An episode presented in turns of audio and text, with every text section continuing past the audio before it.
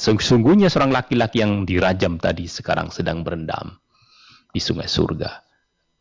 Ini Bapak dan Ibu. Jadi ucapan ucapan-ucapan yang kemudian kita tidak tahu kebenarannya, tapi kita ber mempunyai satu statement, mempunyai satu komentar. Hati-hati Bapak Ibu. Kalau itu menyangkut saudara kita, jangan-jangan itu juga menyangkut kehormatan saudara kita. Haram Ibu kita lakukan. Haram bapak-bapak kita lakukan, haram saudara-saudaraku semuanya.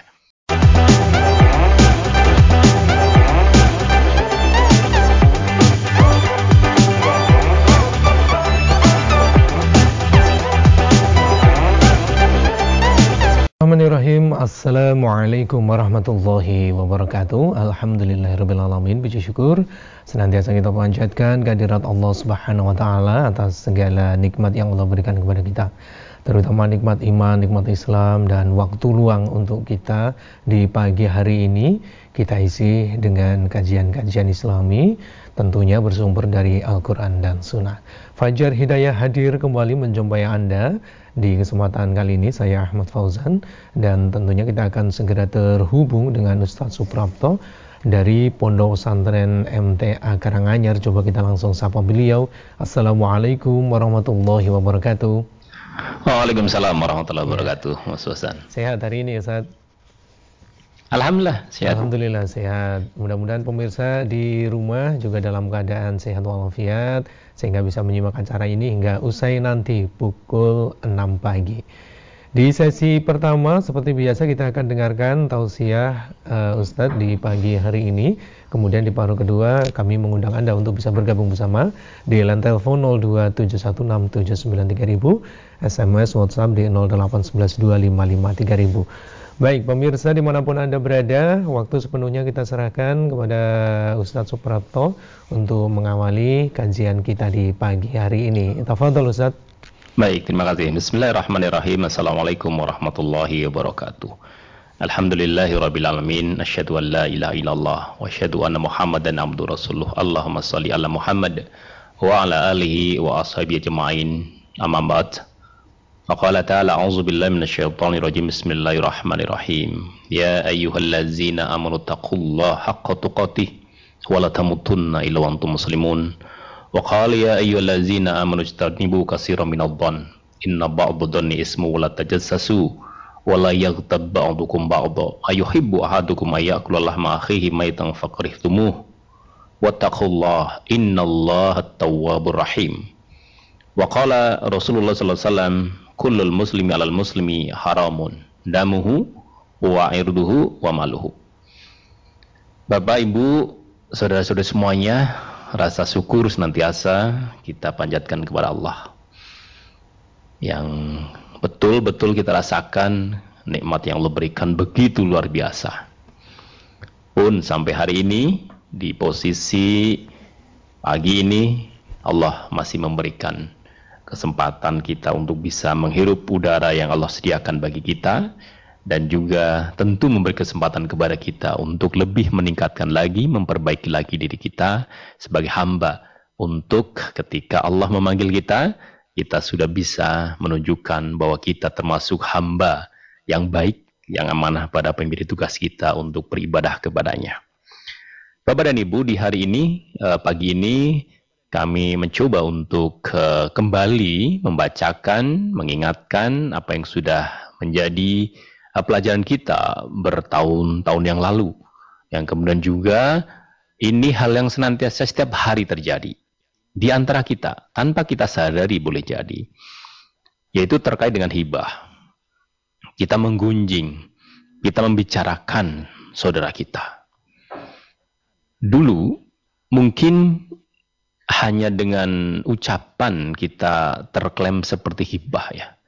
Tapi kalau sekarang kita bisa menggunakan alat e, komunikasi kita yang kita hanya dengan satu atau dua jari kita bisa memposting apa pun. Yang kemudian itu kalau dimanai sebagai bentuk komunikasi kita, message kita, pesan kita kepada orang lain, kepada grup kita dan sebagainya. Kadang tidak dengan kata-kata, hanya dengan gambar. Gambar kemudian kita hanya forward, hanya melanjutkan atau memposting ulang dan gambar itu pun kadang kita dapatkan juga dari orang lain. Yang kemudian kebenaran terkait dengan kondisi pada waktu itu boleh jadi berbeda dengan yang dipersepsikan ketika melihat gambar itu. Atau dengan kata-kata singkat. Atau dengan apa pun yang kemudian itu sebagai bentuk komunikasi kita kepada orang lain.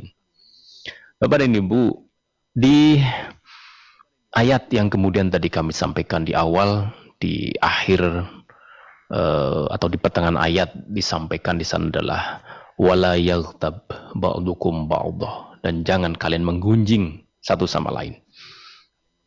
Perintah ini diawali memang ya ayyuhalladzina amanu tajtanibu katsiran minadh dhon inna ba'dadun ismun wala tajassasu. Tapi kemudian la yaghtab ba'dukum ba'dun. Ini juga larangan kepada kita Bapak dan Ibu. Ketika sebuah larangan itu jatuhnya adalah tahrim, lit tahrim. Al aslu fil amri lit tahrim. Eh, al aslu fil nahi lit tahrim. Asal dari sebuah larangan itu untuk keharaman dilakukan. Oleh karenanya kami mengingatkan kepada diri kami pribadi dan juga kepada yang hadir, mari kita sama-sama mengoreksi diri kita. Apakah tangan kita, apakah mulut kita itu begitu sangat mudah memberikan penilaian, memberikan ucapan-ucapan yang kemudian kalau itu didengar oleh saudara kita kurang nyaman. Coba kita uh, dengarkan Bapak Ibu, kami bacakan beberapa hadis yang kemudian itu menunjukkan bahwa di lingkungan Nabi sendiri, Nabi kita Muhammad SAW dan para istri, itu juga bisa terjadi. Yang kemudian Nabi mengklaim, menyampaikan itu hal yang tidak baik. Itu termasuk hibah. Kita contoh misalnya yang diwatkan oleh uh, Abu Dawud ya. Di sana kami uh, bacakan artinya dari Aisyah radhiyallahu anha berkata, saya pernah berkata kepada Nabi Muhammad sallallahu alaihi wasallam atau Nabi sallallahu alaihi wasallam, cukup bagimu dari Sofiah begini dan begitu. Sebagian orang yang meriwayatkan mengatakan yang dimaksud Aisyah itu adalah ia wanita yang pendek. Ya. Maka Rasulullah bersabda, sungguh kamu telah mengatakan suatu kalimat seandainya dicampur dengan air laut, sungguh air laut itu akan keruh. Dan Aisyah berkah, pernah berkata, saya pernah menceritakan tentang seseorang kepada beliau, maka beliau bersabda, aku tidak suka menceritakan keburukan seseorang pun, meskipun akan mendapatkan upah segini dan segini.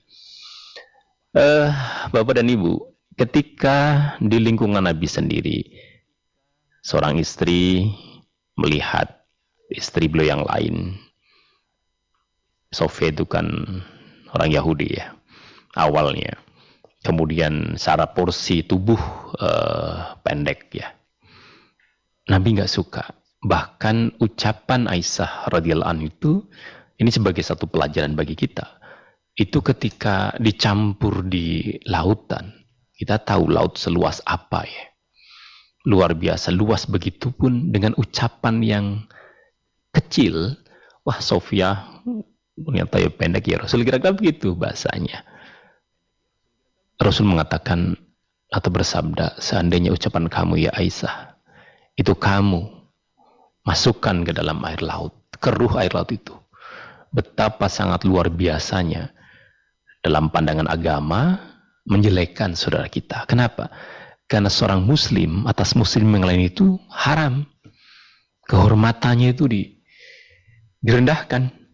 Kehormatannya, kewibawaannya, harga dirinya itu rendahkan. Bahkan ketika kita menyampaikan dan dia tidak suka pun itu harus kita hindari. Sama ketika di sini Zainab juga ter, tadi Aisyah ya ini Zainab. Dari Aisyah radhiyallahu an juga berkata sesungguhnya untanya Sofiah binti Huyayin ya sedang sakit. Ini kendaraannya Sofia sedang trouble lah, sedang sakit dalam hal ini untanya. Sedang Zainab mempunyai kelebihan kendaraan maka Nabi SAW bersabda kepada Zainab, berikanlah unta kepadanya. Lalu Zainab menjawab, saya disuruh memberi kepada wanita Yahudi itu. Kemudian Nabi SAW meninggalkan Zainab pada bulan Dzulhijjah, Muharram dan sebagian Safar. Artinya tidak komunikasi lagi karena mungkin beberapa hal yang beliau lakukan yang menunjukkan uh, enggak pas lah. Zainab mengatakan demikian kepada Sofia. Oleh karenanya Bapak dan Ibu, kami betul-betul mengharapkan bahwa kita yang sudah mengaji ini tolong jaga lisan kita, tolong jaga tangan kita dari memposting hal-hal yang kurang pas. Yang kalau kita menggarisbawahi terkait dengan terus hibah itu apa? Kita coba melihat di apa yang didefinisikan oleh Nabi sendiri terkait dengan hibah itu sendiri. Ketika Nabi ditanya, uh, menanya kepada apa namanya kepada para sahabat tentang apakah hibah itu gitu. Para sahabat tentu biasanya kalau ditanya itu ya tentu Allah dan Rasulnya lebih tahu. Di sini disebutkan misalnya ada dulu nama hibah. Wahai para sahabat, kamu tahu ndak hibah itu apa? Hibah yang tadi disebut dalam surat Al-Hujurat ayat 12 tadi. Yang kemudian kita uh, disuruh menjauhinya karena kalau kita melakukan itu kita seperti makan bangkai, makan makan ya bangkai, hewan yang sudah uh, mati bangkai, manusia yang sudah mati atau mayat itu jadi bangkai. Padahal di situ ada bangkai saudara kita sendiri. Jadi kalau nyenengan lihat ya ada orang meninggal, kemudian nyenengan cuilin satu-satu dan dimakan itu. Jadikan lalapan menjadikan cemilan gitu. Betul, tentu sangat jijik kan. Lah itulah kemudian dalam pandangan Allah hibah itu. Maka ketika ditanya, ada dulu nama hibah? Qalu Allah wa Rasuluhu a'lam. Tentu Allah dan Rasulnya lebih tahu. Kalau Rasulullah bersabda, dikruka dikruka ahoka bima yakroh. Kamu menyebutkan saudara kamu sesuatu yang dia tidak suka. Qila aroita in kana fi akhi ma'kul. Ya Rasulullah, Kan saya menyampaikan apa yang ada pada sahabat kami itu, pada saudara kami itu. Artinya kami kan menyampaikan apa adanya gitu. Jadi tadi misalnya Sofia pendek misalnya. Kita menyampaikan, wah Sofia pendek. Itu kan benar, Sofia memang pendek. Kan kan benar tuh Rasul kami menyampaikan bisa begitu. Khala in kana fihi matakul tabetah. Kalau kamu betul memang apa yang kamu sampaikan ada pada dirinya maka kamu telah berhibah. Wa in lam yakun fihi matakul fakot bahatta. Tapi kalau kamu menyampaikan hal yang tidak pas, maka kamu telah berdusta. Pilihannya sangat sulit. Pilihannya dua dan itu tidak baik semuanya ketika kita membicarakan orang lain. Kalau kita membicarakan orang lain itu ada padanya kita termasuk hibah. Kalau tidak ada padanya kita termasuk berdusta. Coba Bapak Ibu, renungkanlah sabda-sabda Nabi yang kemudian sampai kepada kita dan itu ada dalam lingkungan keluarga Nabi dan itu menjadi pelajaran bagi kita bagaimana Nabi mengajarkan umatnya, bagaimana Nabi mengajarkan sahabat-sahabatnya bahwa hal itu siapa pun bahkan makanya kemudian perintah untuk dijauhinya kepada kita orang-orang yang beriman. Walayaktab. Oleh karenanya kami di dalam hal ini memberikan satu pesan ada yang kemudian sungguh luar biasa Nabi memberikan pelajaran ketika ada sahabatnya melakukan hibah yang dia tidak merasa. Karena memang itu kenyataannya. Contoh, ada satu hadis besar ya, eh, panjang maksud kami. Kami bacakan biar lebih uh, memberikan satu deskripsi yang lengkap bagaimana kemudian beliau Nabi itu mengajarkan, mendidik kita untuk tidak sampai melakukan itu sampai kepada tataran empiris dilihatkan, dicontohkan betul. Misalnya di sini di dalam uh, Ibn Hibban dalam sahihnya disebutkan dari Abu Hurairah ia berkata telah datang seorang laki-laki dari suku Aslam kepada Rasulullah SAW lalu dia bersaksi atas dirinya bahwa dia berbuat zina. Dia bersaksi empat kali. Mungkin dengan sumpah empat kali. Ia berkata, saya menyutubi wanita secara haram. Setiap ia mengatakan yang demikian itu, Rasulullah SAW berpaling daripadanya. Seakan-akan beliau nggak nggak mau terima dia kok ngaku-ngaku berzina karena konsekuensinya besar. Konsekuensinya besar. Setiap yang mengatakan begitu Rasulullah senantiasa berpaling darinya. Lalu orang itu menyebutkan cerita sehingga beliau bertanya, apa kamu inginkan dengan ucapan ini? Kamu menginginkan apa dengan ucapan ini? Orang itu menjawab, saya menginginkan supaya engkau membersihkan diriku. Kemudian Rasulullah memerintahkan supaya ia dirajam. Lalu orang tersebut dirajam. Kemudian Rasulullah mendengar ada dua orang laki-laki Ansor. Salah satunya berkata kepada temannya, lihatlah kepada orang ini yang Allah telah menutupinya, artinya aibnya ya, tetapi dia tidak membiarkan dirinya. Sehingga ia dirajam seperti anjing yang dilempari batu. Abu Doro berkata, Rasulullah SAW diam saja. Sebentar kemudian, beliau berjalan bersama para sahabat yang tadi, lalu melewati bangkai himar di dekat kaki beliau. Maka beliau bersabda, mana si fulan dan si fulan tadi? Artinya tadi mengatakan, uh, bahwa dia sudah ditutupi Allah aibnya tapi malah membuka dirinya dan sehingga dia rejam seperti seekor anjing yang dilempari batu tadi. Mana tadi? Mereka menjawab ini, kami ya Rasulullah. Uh, tentu para sahabat ketika dipanggil ya, baik ya Rasulullah, saya ya Rasulullah tadi yang uh, menyampaikan tadi gitu. Kemudian beliau bersabda kepada kedua orang itu, makanlah bangkai himar ini. Kemudian mereka tentu menjawab, Ya Rasulullah, semoga Allah mengampuni engkau. Luar biasa. Semoga Allah mengampuni engkau ya Rasulullah. Ini para sahabat ya, belum tahu ya, belum sadar maksud Rasulullah ini. Siapa yang mau memakan bangkai himar ini? Lalu Rasulullah bersabda, apa-apa yang kamu dapat dari menjelek-jelekan kehormatan seorang laki-laki tadi adalah lebih buruk daripada makan bangkai himar ini. Dan demi Allah yang jiwaku berada di tangannya, sesungguhnya seorang laki-laki yang dirajam tadi sekarang sedang berendam di sungai surga. Ini Bapak dan Ibu. Jadi uh, ucapan-ucapan uh, yang kemudian kita tidak tahu kebenarannya, tapi kita ber mempunyai satu statement, mempunyai satu komentar. Hati-hati Bapak Ibu. Kalau itu menyangkut saudara kita, Jangan-jangan itu juga menyangkut kehormatan saudara kita. Haram ibu kita lakukan. Haram bapak-bapak kita lakukan. Haram saudara-saudaraku semuanya. Oleh karenanya, di pagi yang insya Allah sangat cerah, apalagi kami di lingkungan pondok, luar biasa hari ini. Cuacanya betul-betul tegas untuk Gunung Lawu menghiasi di sebelah timur kami. Maka dengan suasana yang seperti ini, kita mengingatkan juga hati kita harus tegas untuk menghindari ini. Tegas untuk tidak berhibah. Tegas untuk tidak menggunjing. Tegas untuk tidak memposting hal-hal yang kemudian akan berakibat itu menyinggung perasaan, menyinggung uh, kehormatan saudara kita.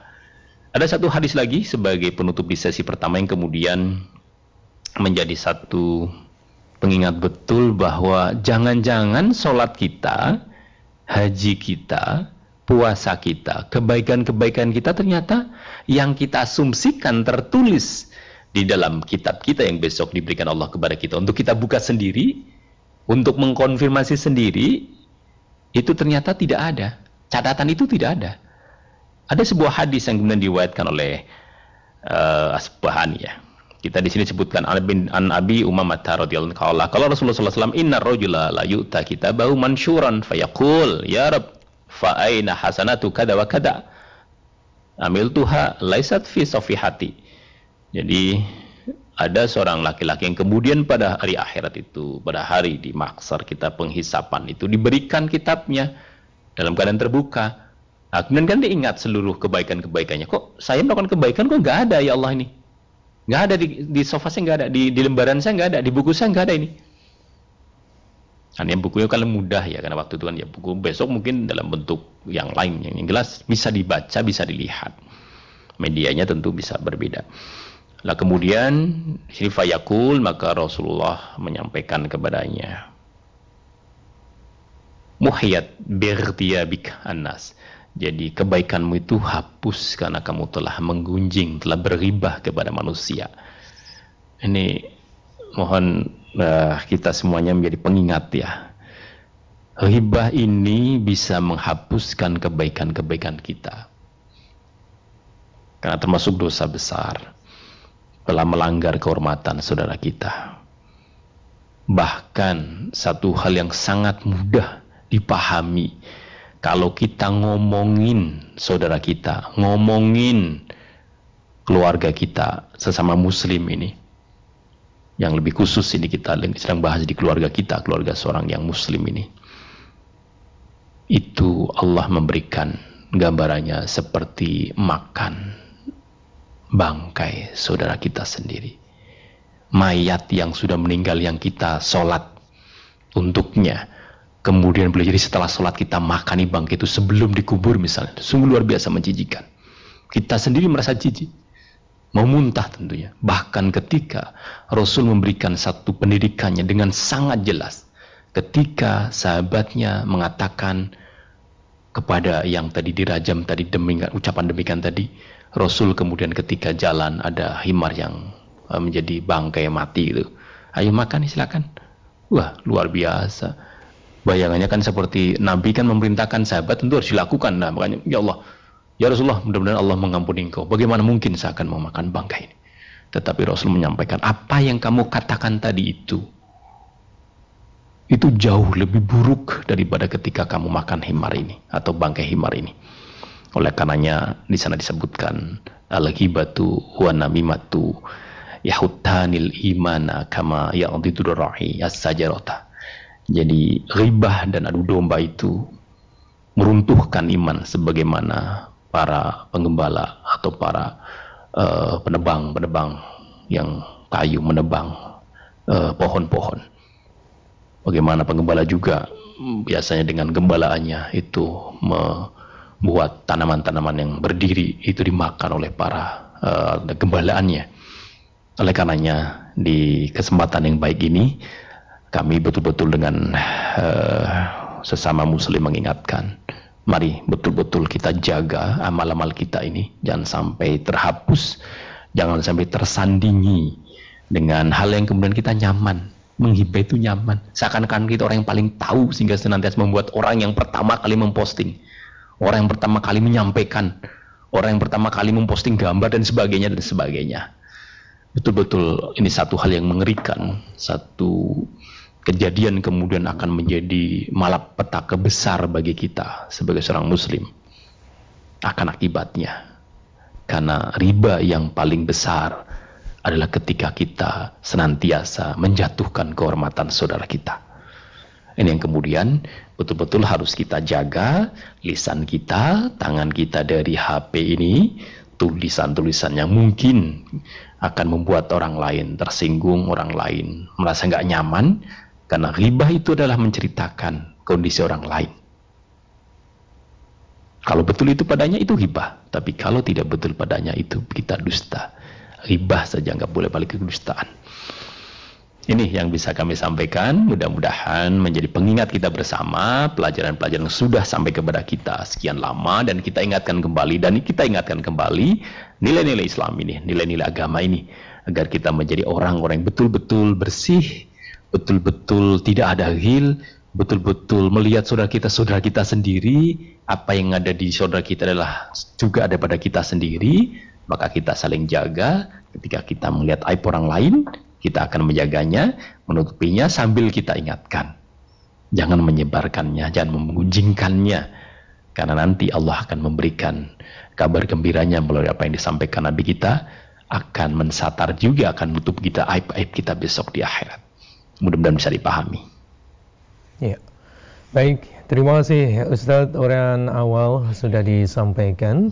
Kita jeda terlebih dahulu, insya Allah nanti selepas pesan berikut kami akan hadir kembali menjumpai Anda. Pemirsa, pastikan Anda terus bersama kami dalam program Fajar Hidayah.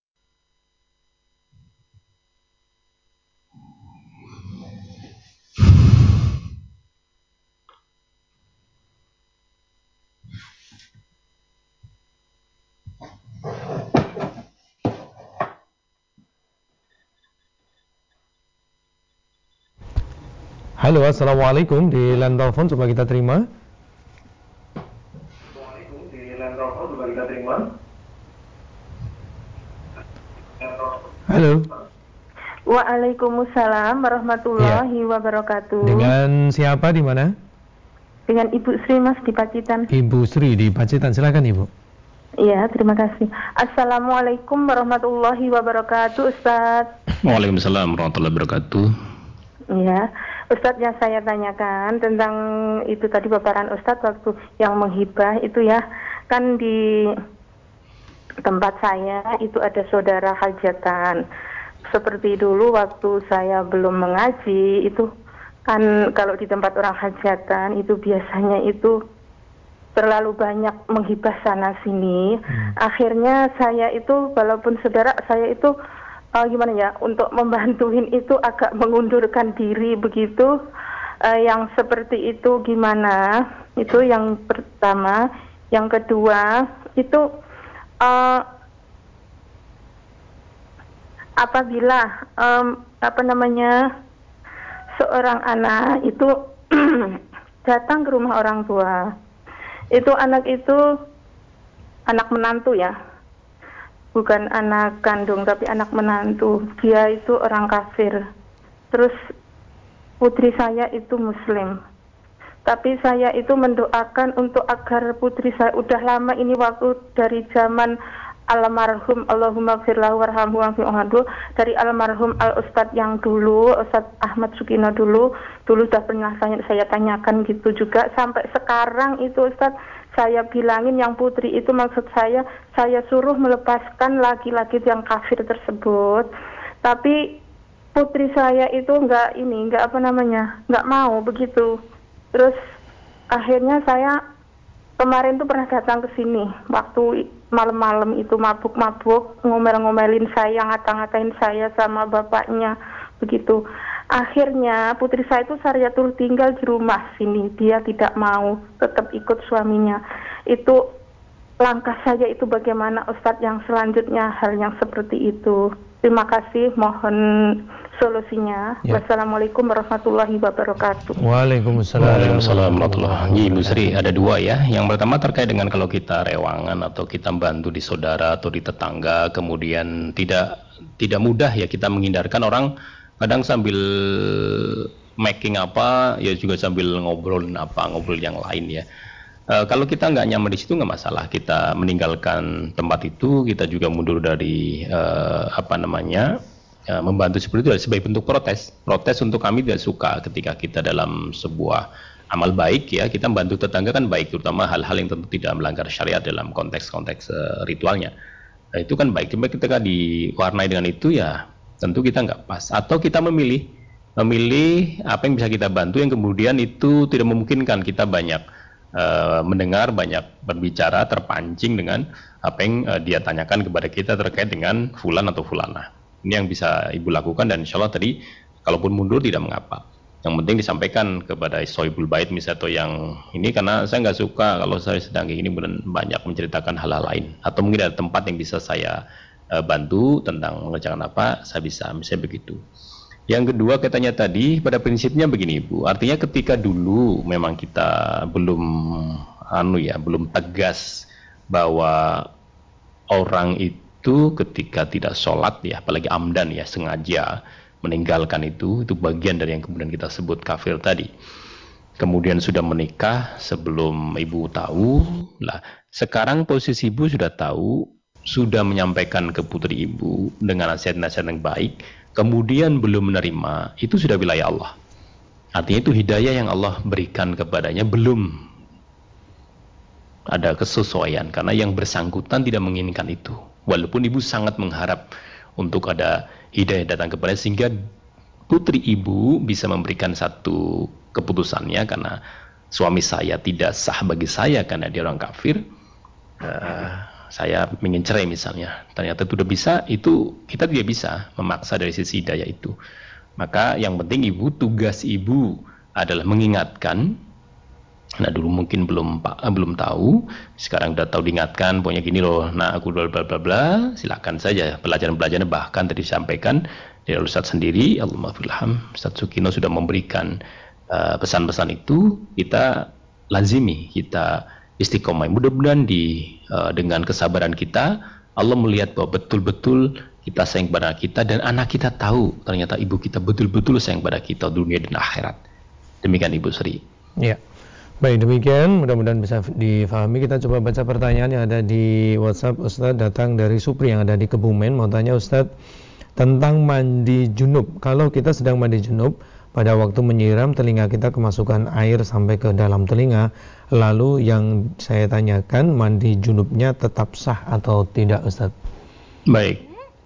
Mandi junub tetap sah selama apa yang kita kerjakan sebagaimana yang dikabarkan sampai kepada kita dalam hadis-hadis yang ada. Artinya ketika kita sudah urutannya ya, urutannya misalnya kita sudah mencuci kemulan kita, mencuci tangan kita, kemudian kita berwudu, kemudian kita me, apa namanya menyeka rambut kita sampai ke akar-akarnya, kemudian kita menyiram tiga kali, kemudian seluruh tubuh sudah kita siram. Pada prinsipnya seluruhnya kita terkena air ya.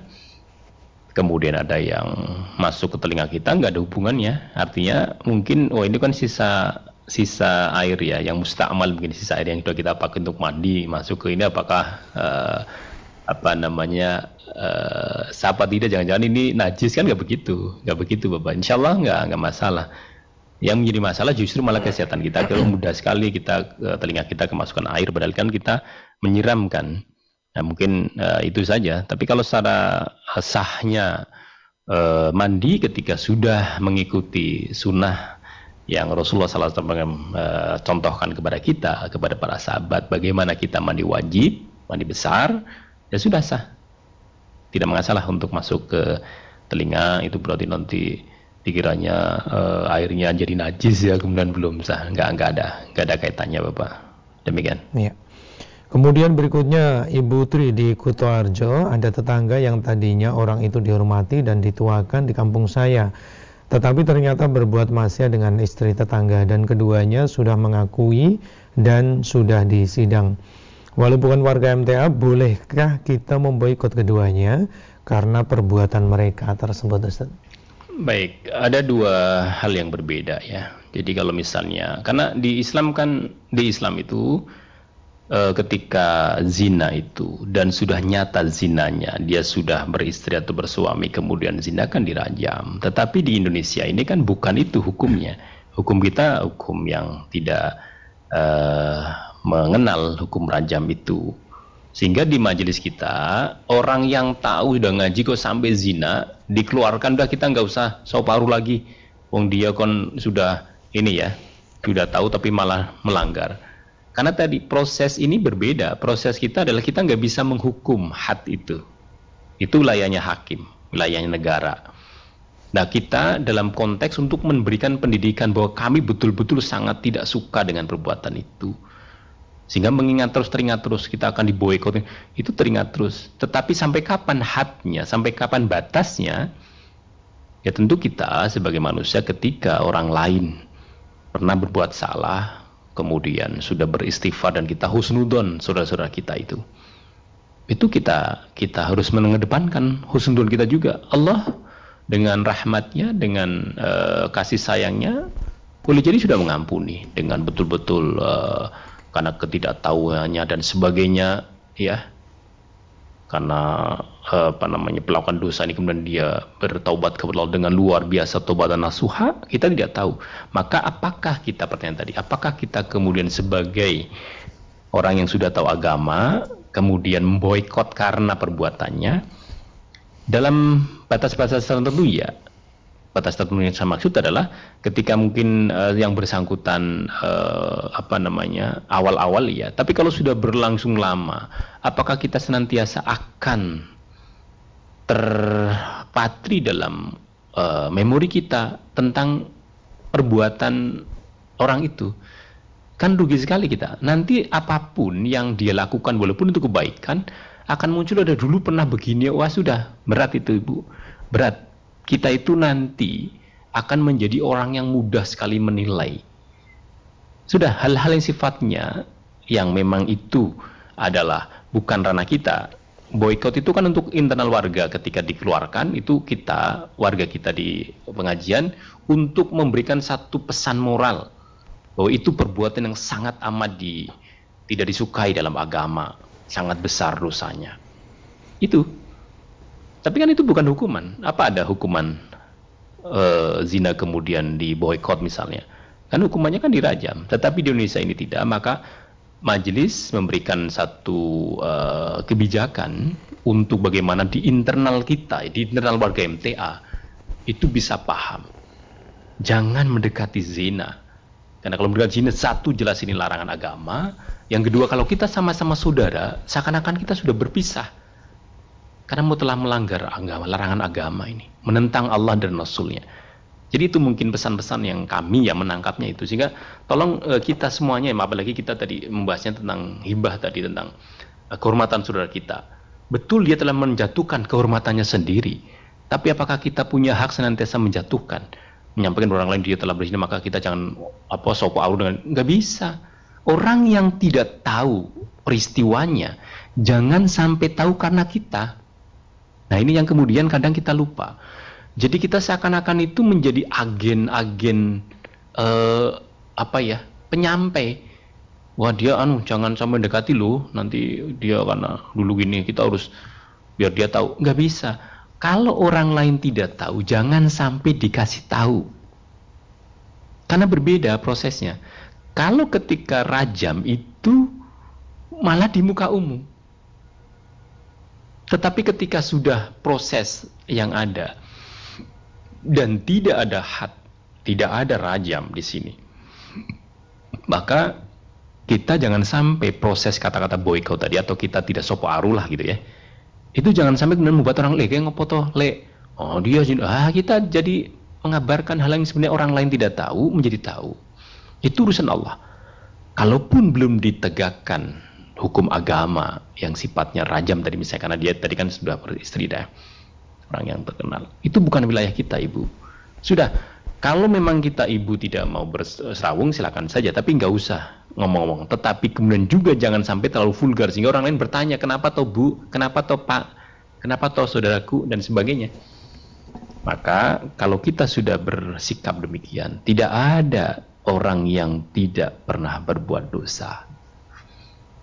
Oleh karenanya kita berkaca kepada boleh jadi kita tidak berzina dan nauzubillah min zalik, tetapi boleh jadi Ribah kita itu bagian daripada pencukur amal kita juga. Karena kita tadi disampaikan, loh kok nggak ada nih perbuatan baik-baik saya. Kan berarti menghilangkan, menghapus. Juga cukup bahaya. Kan begitu. Bahkan ketika riba itu ada 72 bagian yang paling apa namanya? paling ringan adalah seperti seorang laki-laki mohon maaf menzinai ibunya tetapi ada zina yang apa riba yang paling besar. Riba yang paling besar adalah ketika menjatuhkan kehormatan saudara kita tanpa alasan yang benar. Pertanyaannya, apakah kemudian ketika orang lain tidak tahu menjadi tahu gara-gara kita itu adalah dibenarkan? Nah, itu wilayah-wilayah hakim yang kemudian harapannya kita menjauhkan diri dari itu. Itu Bu ya. Jadi kaitannya dengan boykot memboykot itu kan internal kita. Kalau di luar kita itu kan orang ya silakan saja, tetapi kita yang penting perbuatan zina clear itu dilarang agama. Dan kita jangan menjadi agen-agen penyampai yang lain sehingga yang lain tahu. Ini kita boykot karena dia berzina. Wah, kita namanya kan mengumbar aibnya orang lain. Kira-kira begitu. Bisa dipahami mudah-mudahan karena tadi nggak ada uh, apa dalam agama kemudian boykot kecuali yang muhson kecuali ini ya, yang masih masih uh, single ya single atau masih uh, gadis ya. Ketika ini dipukul seratus kemudian dikeluarkan dari ini negeri selama satu tahun. Nah itu bentuknya. Tapi kalau sudah seperti tadi kan rajam. Rajam ketika kita dihukum Indonesia ini tidak ada. Ya sudah nufawid Allah subhanahu wa taala kita hanya mengingatkan itu adalah dosa besar kalau dia sudah beristighfar sudah ber taubat, dan nasuha, Allah itu urusan Allah, bukan urusan kita. Hamba jangan menilai hamba yang lain. Karena yang paling tahu ketakwaan di antara kita sama-sama hamba adalah Allah Sang Khalik, Raja kita, Allah Subhanahu wa taala. Demikian mudah-mudahan bisa dipahami. Ya. Baik, Ustaz, tidak terasa kita sudah berada di akhir jumpa kita di pagi hari ini dan sebagai penutupnya, silakan Ustaz bisa disampaikan. Baik, uh, Bapak dan Ibu, uh, kita bersyukur sekali lagi Allah memberikan kesempatan kita menghirup udaranya dalam posisi sehat. Pun kalau kesehatan sebagian tubuh kita yang sakit, kita masih bisa mendengar, masih bisa melihat, masih bisa merasakan dan hati dan pikiran kita. Oleh karenanya, uh, peringatan kami yang tadi terkait dengan hibah, mari sama-sama kita betul-betul menjauhi ini betul-betul jangan mudah-mudah ngomongin orang lain. Jangan mudah-mudah biar dikatakan kita orang yang pertama yang tahu berita orang lain. Ingat bahwa kita sesama muslim haram. Kehormatan kita itu direndahkan. Bahkan ada hadis betul menyampaikan zina yang paling besar, riba yang paling besar, dosa riba yang paling besar. Manakala ketika kita menjatuhkan kehormatan saudara kita. Sekali lagi, jangan sampai dengan ini. HP ini, tangan-tangan kita ini sangat mudah melihat status orang kemudian kita memposting ulang melihat status orang kita screenshot kemudian kita kirim ke grup-grup WA kita betapa kemudian jejaring sosial ini menjadi mengglobal itu akan lebih besar daripada waktu peristiwa hadis Sufifki di kota Madinah. Oleh karenanya, sekali lagi kami berharap kita jauhi hibah karena dosa hibah luar biasa besar akan menghapuskan amal-amal baik kita karena hibah itu akan menjadikan kita seperti memakan bangkai saudara kita. Sangat menjijikan, maka orang yang akan menjijikan tentu tidak akan memakannya. Orang yang tahu itu maka tidak akan berbuat hibah. Apa itu hibah? Kita menceritakan kondisi orang lain kepada uh, saudara kita yang lain. Dan kalau dia mendengar itu dia nggak suka. Walaupun itu ada padanya. Karena itulah hibah. Apa yang ada padanya kita sampaikan? Hibah. Kalau bukan ada padanya kita sampaikan maka itu kedustaan. Mudah-mudahan Bapak dan Ibu kita masih diberikan kesempatan ini bisa kembali mengingat pelajaran-pelajaran yang sudah sampai kepada kita dari ustadz-ustadz kita, kita kembali menegakkan nilai-nilai agama ini dalam bentuk kesalahan-kesalahan sosial, berinteraksi dengan sesama, sehingga senantiasa ada wajah-wajah yang tersenyum, wajah-wajah yang tidak me melihat ya orang lain itu ada senantiasa celah. Kita akan senantiasa hangat dengan keluarga kita, hangat dengan saudara-saudara kita, dalam rangka mensyukur tawasobil hak tawasobil sabar. Mudah-mudahan disepahami dan terima kasih untuk perhatiannya. Kalau ada hal yang kurang berkenan kami mohon maaf. Assalamualaikum warahmatullahi wabarakatuh. Waalaikumsalam warahmatullahi wabarakatuh. Baik pemirsa di mana pun anda berada demikian tadi Fajar Hidayah untuk edisi hari ini. Insya Allah kita akan lanjutkan di kesempatan yang akan datang. Akhirnya saya Ahmad Fauzan undur diri. Alhamdulillahirabbil alamin subhanakallahumma bihamdika asyhadu an la ilaha illa anta astaghfiruka wa. Billahi taufiq wal hidayah. Wassalamualaikum warahmatullahi wabarakatuh.